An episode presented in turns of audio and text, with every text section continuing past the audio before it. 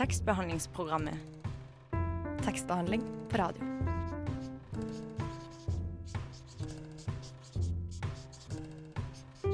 Tekstbehandlingsprogrammet.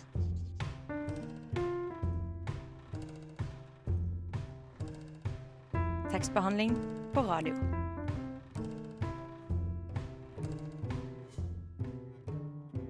Ja, kjære lytter, velkommen til tekstbehandlingsprogrammet her på Radio Nova denne fine onsdag formiddagen. Jeg er August Ekerø, og i studio har jeg med meg tekstbehandler Torolf Høstmælingen. Hallo. Og Torolf, har du noen anbefalinger som ikke er på pensum?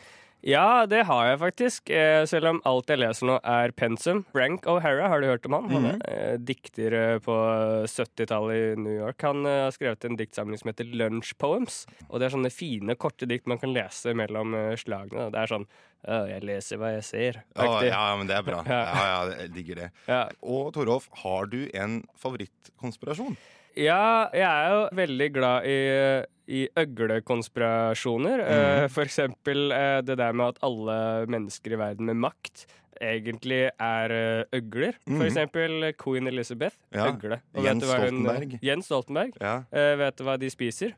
Nei. Barneblod. Ja, det er barneblod, Ja, ja. det er- Fordi du skjønner nemlig det, Torolf, at i dagens sending så skal det handle om nettopp konspirasjonsteori. Og vi får besøk av eh, Terje Emmeland, som er medforfatter av boka Hva er konspirasjonsteorier? Men først skal vi høre Claude med If I Were You. Hallo, mitt navn er Knut Nærum, og du hører på tekstbehandlingsprogrammet. Jeg går i hvert fall ut fra at du gjør det. Ja, vi er fortsatt her i tekstbehandlingsprogrammet, Knut Nærum. Anne B. Ragde og Unni Lindell er usedvanlig gode venner. Dette har Ingrid gravd litt dypere i, og hun mener hun har funnet svaret på hva som egentlig foregår mellom forfatterkollegaene. Anne B. Ragde og Unni Lindell er forfatterkollegaer og veldig gode venner. De drikker vin sammen, de reiser sammen, og de drar sikkert på hytteturer sammen. Ganske koselig, spør du? Eller kanskje ikke ganske koselig, spør jeg. For hvor mye vet vi om relasjonen deres, egentlig? Etter tre år med forskning gjort av meg sjøl, er det opplagt hvordan det hele henger sammen. Anne B. Ragde. Hun ghostwriter Unni Lindell sine bøker ved hjelp av elektroder festa til hodet hennes for å infiltrere det litterære miljøet. Det her er sikkert ganske mye å ta inn over seg, men jeg skal lose deg gjennom bevisene jeg har funnet. Først. Enhver som har vært gjennom Instagram-kontoen til Unni Lindell, har kanskje lagt merke til et voldsomt hashtag- og emoji-bruk. Med hashtagger som ekte forfattere aldri ville ha brukt. Eksempel hashtaggen hashtag tullkjole, hashtag babu, hashtag vær deg selv, hashtag kjempegrei, hashtag engel for en dag, hashtag just friends og hashtag katteelsker. Merkelig. Når Lindell ikke greier å skrive en eneste setning uten hashtag på internett, hvordan har hun da greid å skrive en hel masse bøker uten en eneste hashtag? Anne B. Ragde derimot har ikke Instagram engang, og bruker dermed ingen hashtags, verken på nett eller i bøker. Og når Anne B. Ragde har uttalt det her Å gud, jeg skulle ønske at jeg hadde sånne elektroder som jeg festa seg i hjernen. Så bare kunne For jeg har boka så klar, liksom. Jeg skulle ønske at jeg hadde sånne elektroder som jeg festa seg i hjernen. Sånne elektroder som jeg fikk til hjernen. Ja. beviser jo det at Anne B. Ragde har funnet en metode for å rekke å forfatte Unni Lindell sine 85 bøker, i tillegg til sine egne. Men hva er motivet for det her, lurer du kanskje på. Jo, svarer jeg. Hvis du deler antall bøker Anne B. Ragde har skrevet for Unni Lindell på 10, altså 85 delt på 10, og trekker fra 1,5, så dukker tallet 7 opp. 7 er tall vi kjenner igjen fra før. Det er sju dager i uka, verden har sju underverker, og nå kommer det viktige og mest slående i dette tilfellet. Snehvit har sju mannlige kortvokste venner. Hvis du legger til at Unni Lindell er ganske bleik, så beviser det her hvordan Anne B. Ragde bruker Unni Lindell til å dra på litterære arrangementer for å snakke fint om hun til resten av miljøet, sånn at Anne B. Ragde kan bli en del av de sju laveste forfatterne i Norge med suksess. Knut Nærum, Lars Saabye Christensen, Per Petterson, Ingvar Ambjørnsen, Ravi Erlend Lo og snart Anne B. Ragde. Radio Nova er best. Alle andre er tapere. Radio Nova. Ja, vi hører fortsatt på tekstbehandlingsprogrammet her på Radio Nova, og Ingrid lærte litt oss eh, mer hva som er greia mellom Anne B. Ragde og Unni eh, Lindell. Med oss i studio i dag så har vi fått med oss eh, Terje Embeland, og han er seniorforsker på Holocaust-senteret og har skrevet bøker om religiøsitet, nazismens og antisemittismens historie og norsk okkupasjonshistorie. Blant annet bøker som Himmlers Norge og Da fascismen kom til Norge. Han har også redigert flere artikksamlinger eh, om SS-forskning, konspirasjonsteorier og okkulte tåkefyrster. Og en liten fun fact, du var kalt inn som ekspertvitne i rettssaken mot Anders Behring eh, Breivik. Og i år derimot har han sammen med Asbjørn Dyrendal utgitt en kort informasjonsbok i Universitetsforlagets Hva er-serie, og det er eh, Hva er eh, konspirasjonsteorier? Og nå har vi endelig fått deg på besøk her hos oss, Terje. God dag, god dag. God dag, god dag. Ja, Og da er vel det første spørsmålet hva er konspirasjonsteorier? Ja, Konspirasjonsteorier kan enkelt forklares slik at man mener at hendelser, negative hendelser er resultat av onde aktørers bevisste handlinger.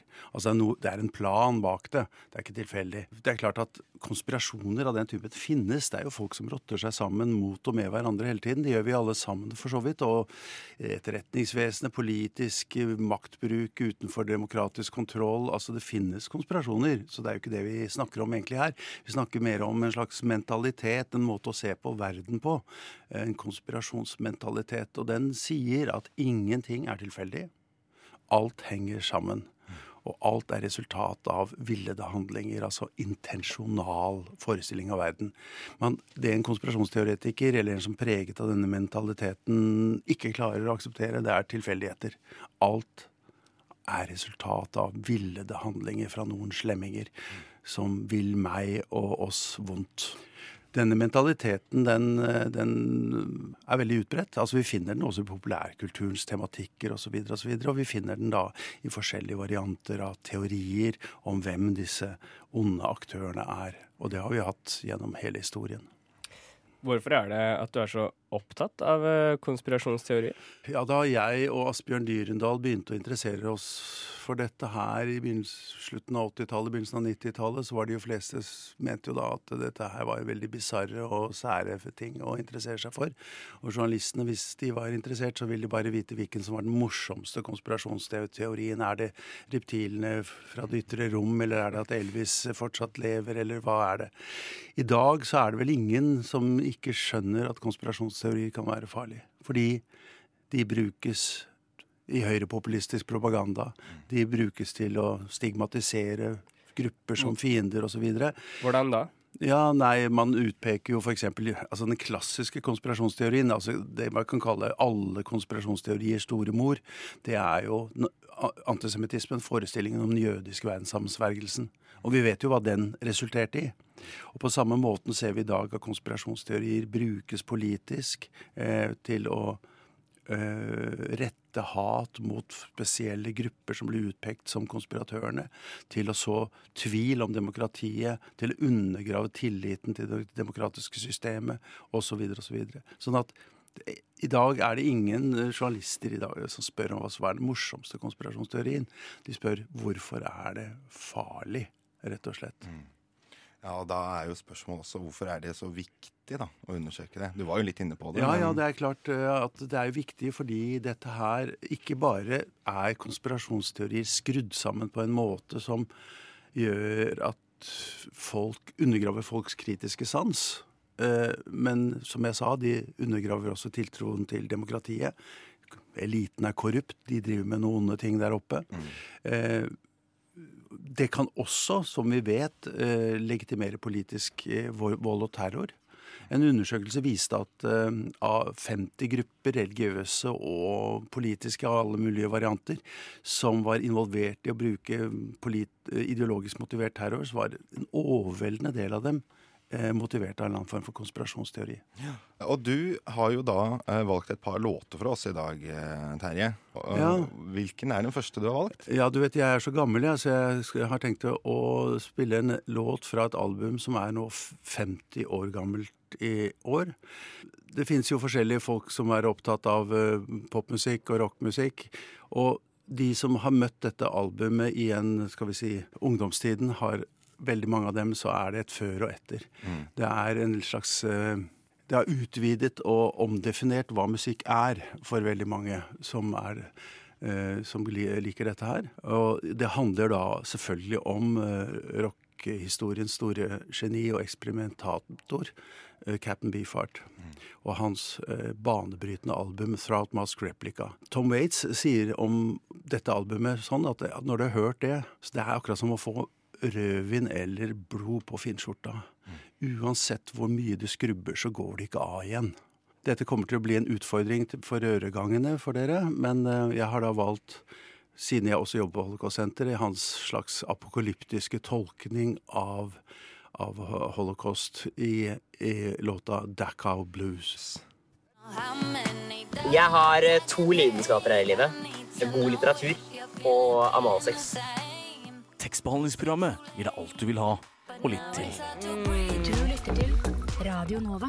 Ja, det var Captain Beefheart med Dachau Blues her på tekstbehandlingsprogrammet på Radio Nova. Og vi har fortsatt Terje Emmeland i studio. Og eh, Terje, da må jeg nesten bare spørre. Hva er din altså, favorittkonspirasjon? Det var det spørsmålet jeg ikke ønsket å få, da. Altså favoritt og favoritt. Altså Det kommer an på hva, hva du mener er den mest absurde, eller den favoritt i, i, i gåseøyne, i den forstand at den som har hatt størst katastrofale følger. Hvis vi tar det siste først, så er det jo klart at det er forestillingen om den jødisk verdenssamsvergelse som kommer altså i stadig nye varianter. Selve Bibelen for dette, denne konspirasjonsteorien om at jødene har rottet seg sammen for å overta makten i og ødelegge kristendommen og den vestlige kultur og alt sånt noe. Bibelen til dette er jo det falskneriet Sions vises protokoller som opprinnelig oppsto i Russland, men som har spredd seg over hele verden. Og er en av verdens bredest distribuerte bøker fortsatt i dag. Den, og den refereres til f.eks. i Hamas charter. Alle mulige konspirasjonsteoretikere bruker den. Høyre, radikale, nynazistene bruker dem, osv. Når ble den skrevet? Er det, er det en ny bok? man vet ikke hvem som har forfattet den, men den dukker opp eh, i, i eh, Russland rundt århundreskiftet. Eh, og så sprer den seg utover i Europa. Den første norske utgaven kom i 1920-tallet, helt på begynnelsen av 20-tallet. Og den fikk da stor betydning for å spre forestillingen om en jødisk verdenssammensvergelse. Og den ble jo selvfølgelig adoptert og brukt av nazistene. Eh, Men den er like aktivt brukt i dag av alle mulige konspirasjonsteoretikere. Hvis du graver Selv om man på overflaten så kan det virke som om en konspirasjonsteori ikke er eh, antisemittisk, og så graver du litt, og så dukker jødene opp før eller siden. Det gjør det også i en av de mest absurde konspirasjonsteoriene, siden dere spør om det. Eh, nemlig David Ike, tidligere fotballkommentator i England, som har utviklet en teori om at, at vi er invadert av reptiler fra det ytre rom, som har sånn evne til sånn hamskifte, så de ser ut som mennesker. Og noen av de som er eh, slike reptiler forkledd som mennesker, det er f.eks. det engelske kongehus. Ikke sant? Ja, Bush-klanen. Og av en eller annen merkelig grunn countrysangeren Boxcar Willie. Jeg vet ikke riktig hvorfor det. Men det er titusenvis av mennesker som tror på dette. Og da han var her i Oslo eh, for eh, bare noen måneder siden, så var det fullt hus. Eh, Men han, der dukker også, han har også gitt, kommet med en egen utgave av Sions visse protokoller. Jødene dukker opp som the bad guys, ikke sant? som konspiratørene der også. Han lanserte vel hele den teorien ved å gå på fjernsyn i grilldress og erklære at han var Jesus. Og så eh, startet han eh, sin karriere som konspirasjonsteoretiker. konspirasjonsteoretiker. Men han, han, han samler store, store eh, folkemengder, og bøkene han selger og faktisk så er det slik at i alt-right-bevegelsen i USA så er det skjulte stadig flere sånne henvisninger til Ikes ideer også. Bare sånn kodet eller, eller dulgte henvisninger. Det er for øvrig et veldig viktig poeng med konspirasjonsteorier, er at de er jo innmari komplekse og vanskelig å få sette seg inn i med masse, masse påstander og masse, masse fotnoter hvis du leser bøkene, og masse, masse informasjon. Og hadde det vært på den måten konspirasjonsteorier ble spredd på, så hadde de egentlig ikke levd. Men det de blir gjort spredd på, først og fremst, og som er et poeng i vår bok, eh, hva er konspirasjonsteorier, er gjennom konspirasjonssnakk. Altså sånn henvisninger, sånn korte henvisninger, sånn dulgte uh, henvisninger til konspirasjoner. Altså Trump tvitrer jo konspirasjonssnakk hele tiden. Og Det er ofte i sånne form av sånne enkle memer, sånn 9-11, inside job. Ja, altså vi skjønner at det betyr at man mener at de amerikanske myndighetene var involvert på en eller annen måte. Men det finnes hundre forskjellige teorier om det. Men her samler man seg om liksom bare akkurat den påstanden. Og grunnen til det er at egentlig det som driver konspirasjonsteorier, er ikke den enkelte konspirasjonsteorien, men det er mistillit til den offisielle versjonen. Det er eh, en grunnleggende mistillit til vanlige nyhetskilder, til den offisielle versjonen av hva som helst. Og den er så sterk at man hadde en undersøkelse i England hvor man fant ut at de som trodde at det engelske kongehuset drepte lady Diana, de tror samtidig at hun fortsatt lever. Fordi det viktigste er ikke de enkelte teoriene, men det er det at den offisielle versjonen ikke er sann. Du var jo litt inne på det, da, men konspirasjonsteorier, kan de være farlige? Ja, som sagt, altså de kan skape fiender, de kan skape stigmatisere utgrupper, de kan legitimere terrorisme osv. Altså, Breiviks univers var jo konspiratorisk. Der var det en gruppe illojale quislinger, nemlig Arbeiderpartiet, som, som, samarbeidet i det skjulte med muslimene for å islamifisere Norge. Det er hans konspirasjonsteori. Og du ser jo hvem han valgte ut som ofre. Det var ikke muslimene, men de quislingene som han pekte ut. Og den typen konspirasjonsteorier kaller vi subversivmyte, altså forestillingen med at det er noen illojale uh, grupper i samfunnet som i det skjulte arbeider for å ødelegge samfunnet. Og den er veldig farlig, for den kan motivere vold. Hvis man tror at Norge er okkupert av en fremmede makt, så er jo motstandskamp helt legitimt. da. Mm. Altså, Breiviks, en av Breiviks helter var Max Manus. Mm. Den største nazibevegelsen i, i Norden i dag heter jo Den nordiske motstandsbevegelse. Mm. Ja, det her er kjempeinteressant. Det tror jeg vi må hoppe tilbake til. Men du har jo valgt en låt til for oss, Terje. Jeg spiller jo et eh, jazzband, og jeg kunne jo valgt veldig mye som jeg er glad i der. Altså Jet Baker, jeg kunne valgt eh, Stan Getz, jeg kunne valgt eh, Monica Settelund. Og alle disse kvinnelige jazzsangerne, så er det jo mange store. Men jeg vil slå et slag for en som er blitt litt glemt. Og det er ikke fordi hun ikke er en fantastisk jazzsangerinne, men det er fordi at hun rett og slett var for pen. Mm. Hun ble kasta som en sånn pinup, nærmest. Og ble egentlig ikke tatt så veldig alvorlig som jazzsangerinne. Eh, og det på tross av at hun er en av de kuleste jeg vet om. Eh, det er Julie London. Og her har hun uh, gått i studio, eller rettere sagt, studio har kommet hjem til henne i stua hennes med de A-laget i amerikansk jazz fra Verve uh, på 50-tallet og begynnelsen av 60-tallet og har spilt inn en plate som heter At Home, og er det You Be So Nice To, to Come Home To. Jeg har egentlig sagt det, men jeg kan si det en gang til. Radio Nova. Radio Nova. På, på DAB og nettradio. På radionova.no. jeg har egentlig sagt det, men jeg kan si det en gang til. Radio Nova. Der hørte du Julie London med You'd Be So Nice To Come Home To i tekstbehandlingsprogrammet her på Radio Nova. Jeg er fortsatt August. I studio har jeg Torolf. Hallo! Og Terje er her fortsatt. Hei, hei. Og eh, vi var jo litt inne på det her med at det var eh, farlige konspirasjonsteorier og sånne ting. Mm. Men eh, jeg vil først på en måte dra det litt over til altså, Det er jo eh, spesielt én eh, konspirasjonsteori, men finnes det kanskje liksom historiske eh, konspirasjonsteorier? Ja, altså Vi har jo snakket allerede mye om dette med antisemittisme som mm. egentlig en konspirasjonsteori. Mange tror jo at antisemittisme er bare rasisme mot jøder. Mm. Men la oss ta en sånn Klu Klux Klan-tilhenger i sørstatene, f.eks. Han hater svarte fordi han mener de er dumme, tiltaksløse, ressurssvake osv. osv. En antisemitt hater jødene for det helt motsatte. At de er rike, intelligente Eh, aktive, eh, til, eh, fulle av initiativ osv. Slue. Ja, det er slue. Det er helt motsatte. Fordi antisemittismens kjerne er en forestilling om det jødiske verdensherredømmet som jødene i det skjulte jobber for.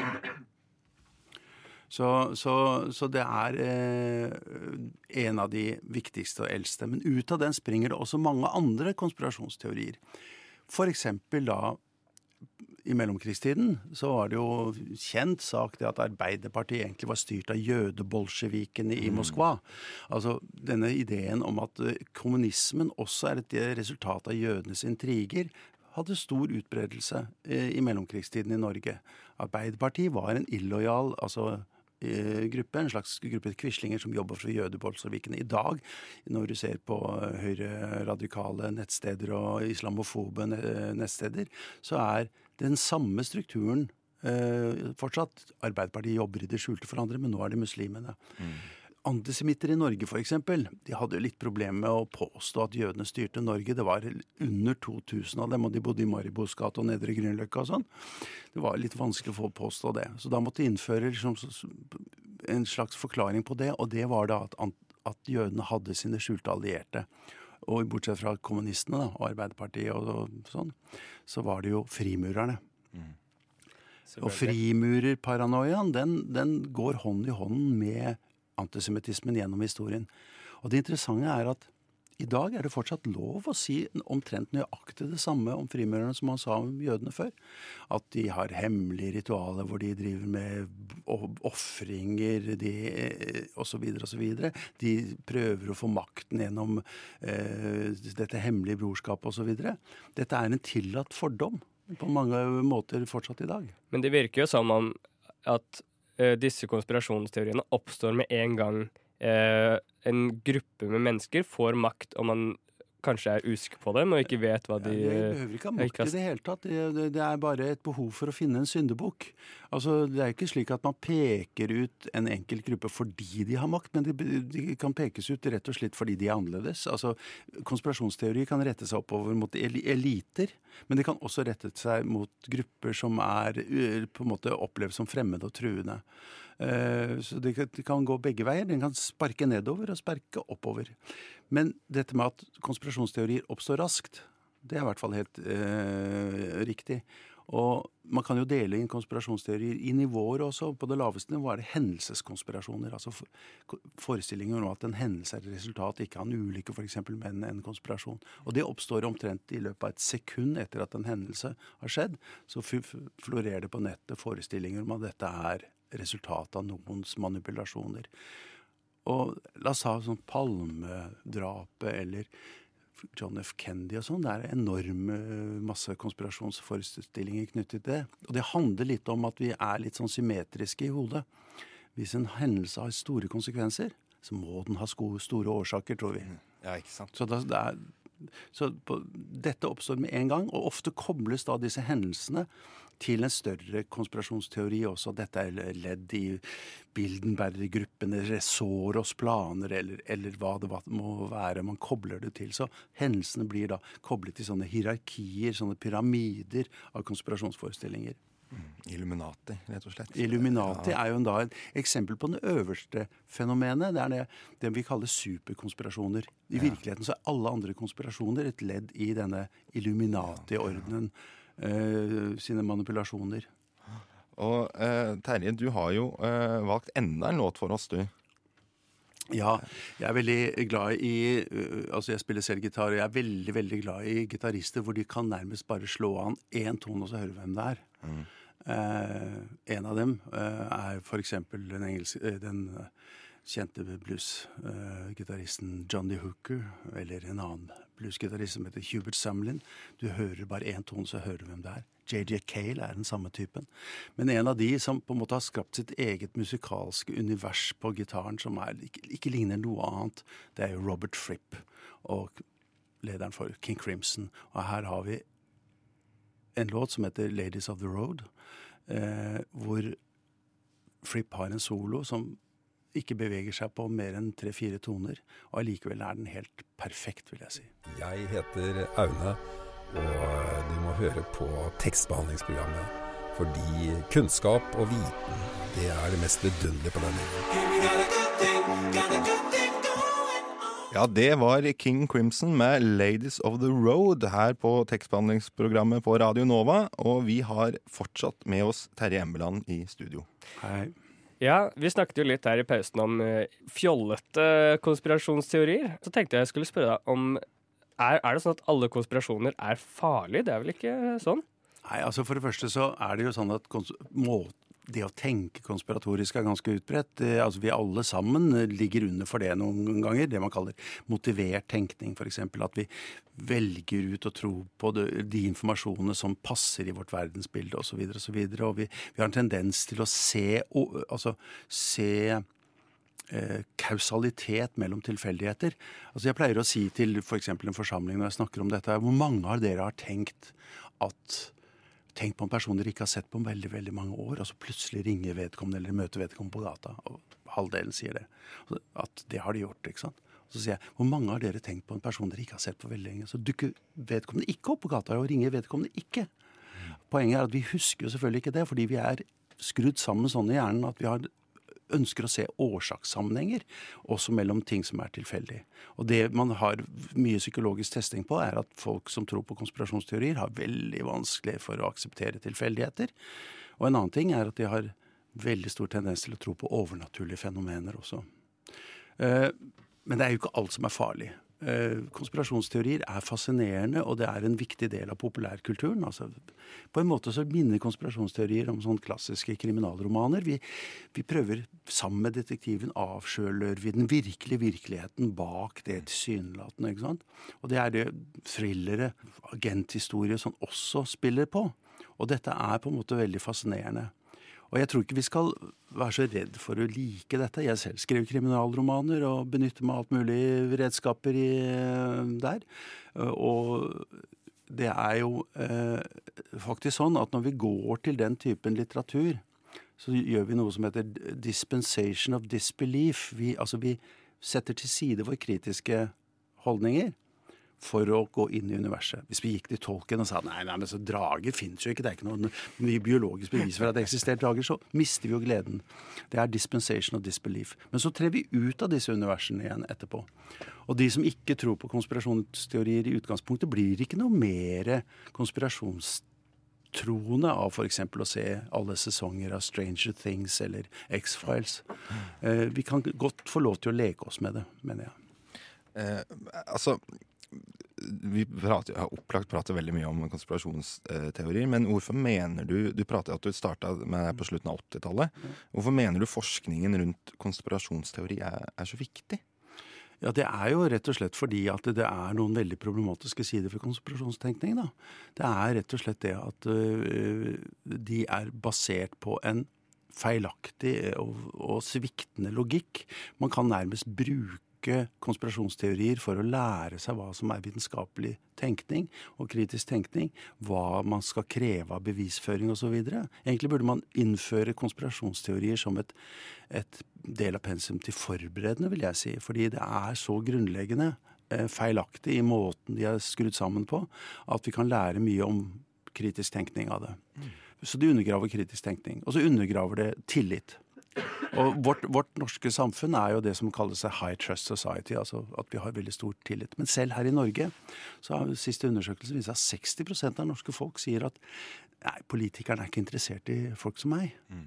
Og Det viser at vi er i ferd med å få et demokratisk underskudd også i Norge, og det er jo mye, mye mer problematisk i mange andre land i Europa.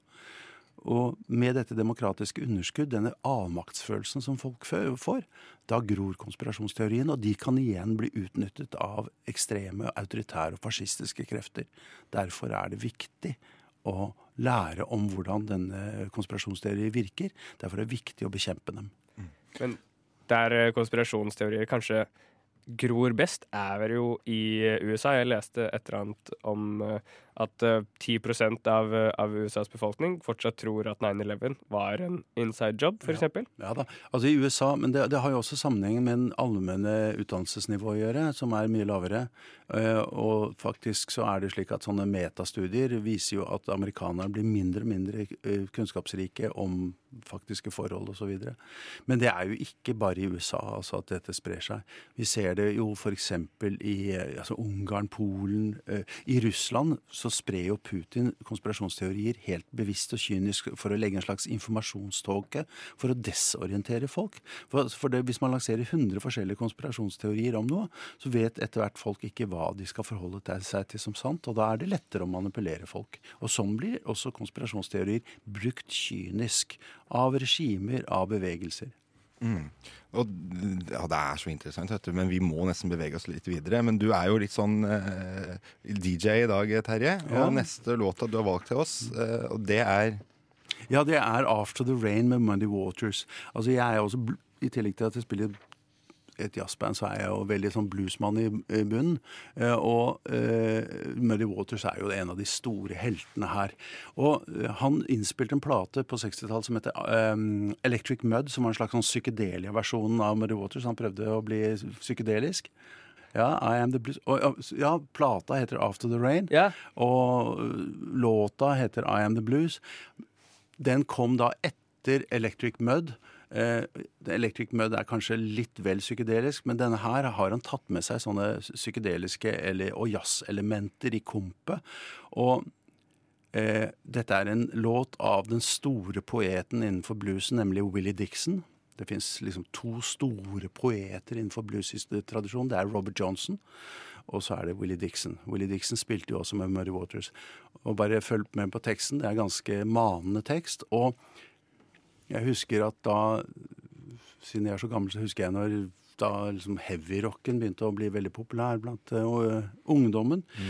Så pleide jeg å spille denne for å vise dem at det er kanskje noen som har vært inne på akkurat det samme før. For å høre på denne låta, så tenker jeg bare store langtransporter på en regnvåt nattevei et eller annet sted dundre inn i natten. You have bewitched me, body and soul, and I love, I love, I love. Tekstbehandlingsprogrammet på Radio Nova. Og det var I Am The Blues av Muddy Waters, en slager uten like. Vi, eh, August og Torolf, har fortsatt Terje Embeland i studio.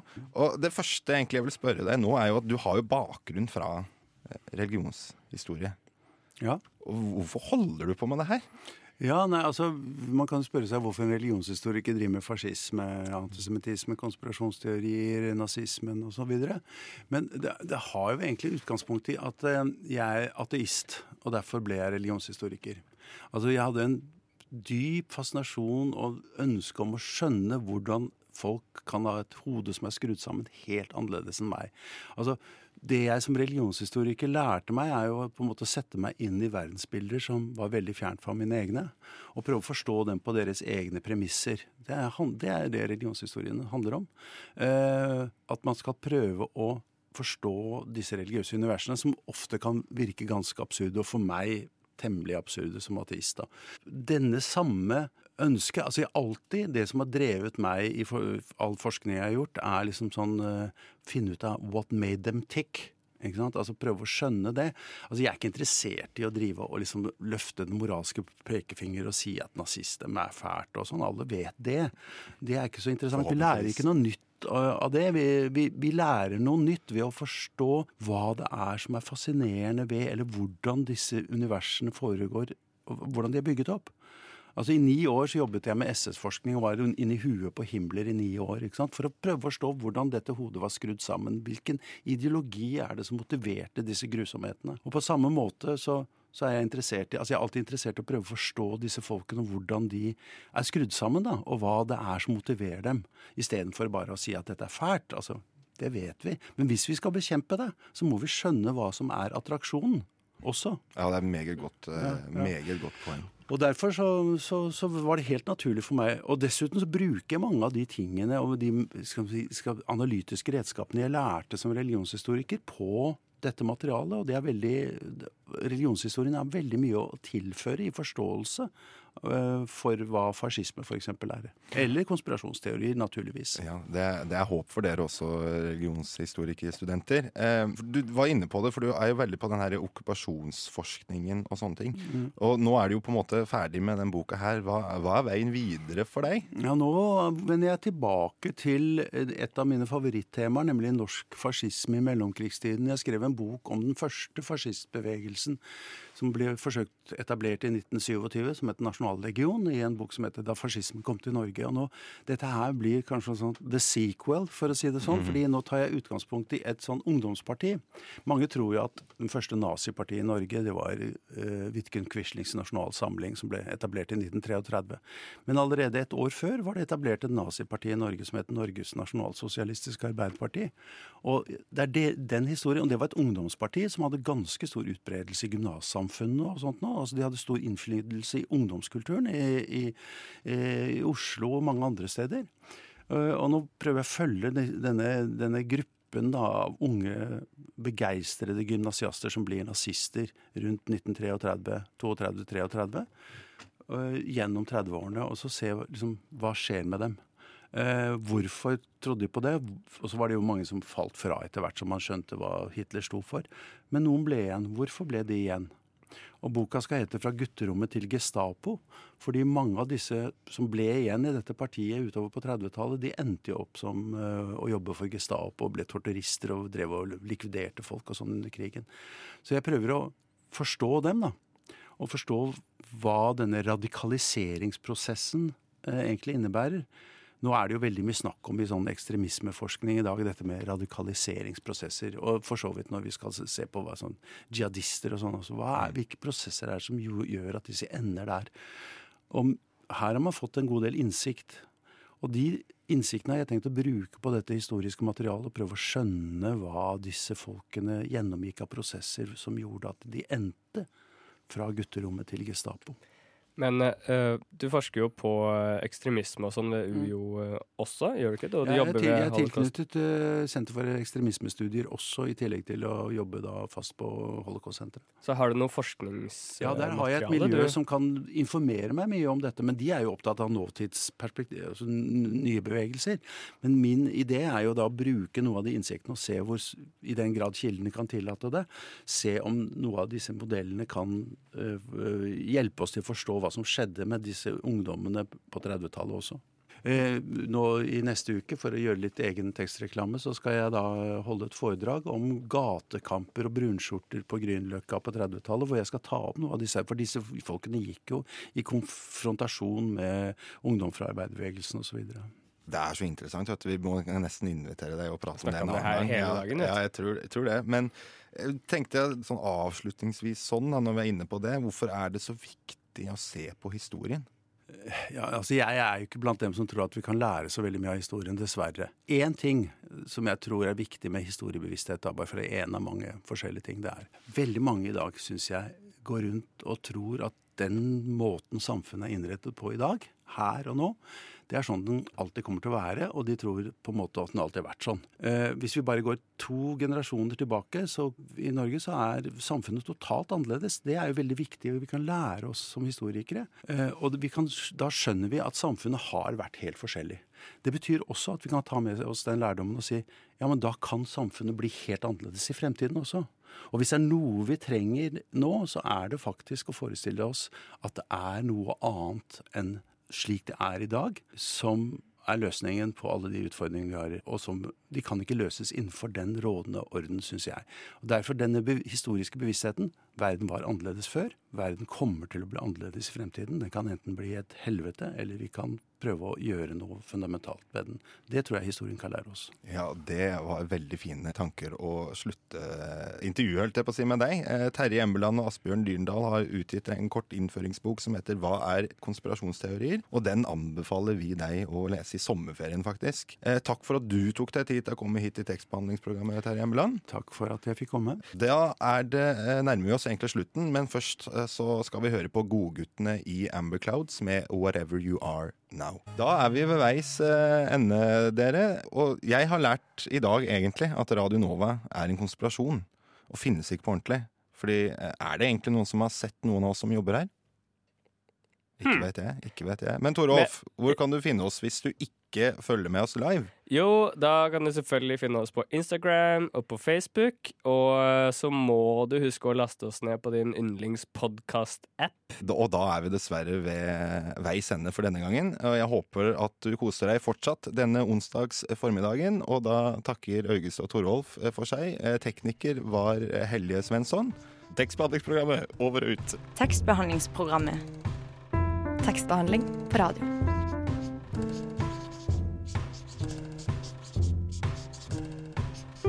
Tekstbehandlingsprogrammet.